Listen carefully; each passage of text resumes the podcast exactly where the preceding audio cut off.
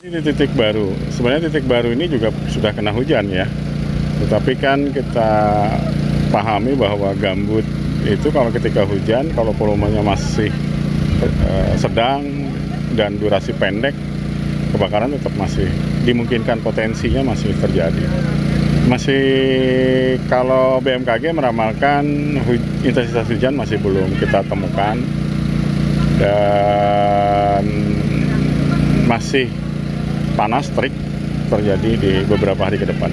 Kita berharap ini kita bisa eskalas, eskalasinya bisa kita tahan ya. Jadi jangan ada perluasan kembali, kemudian produksi.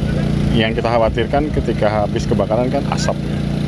Asap kan akan muncul eh, kondisi udara tidak sehat sehingga beraktivitas tidak aman ya untuk usia-usia rentan, anak-anak didik segala macam.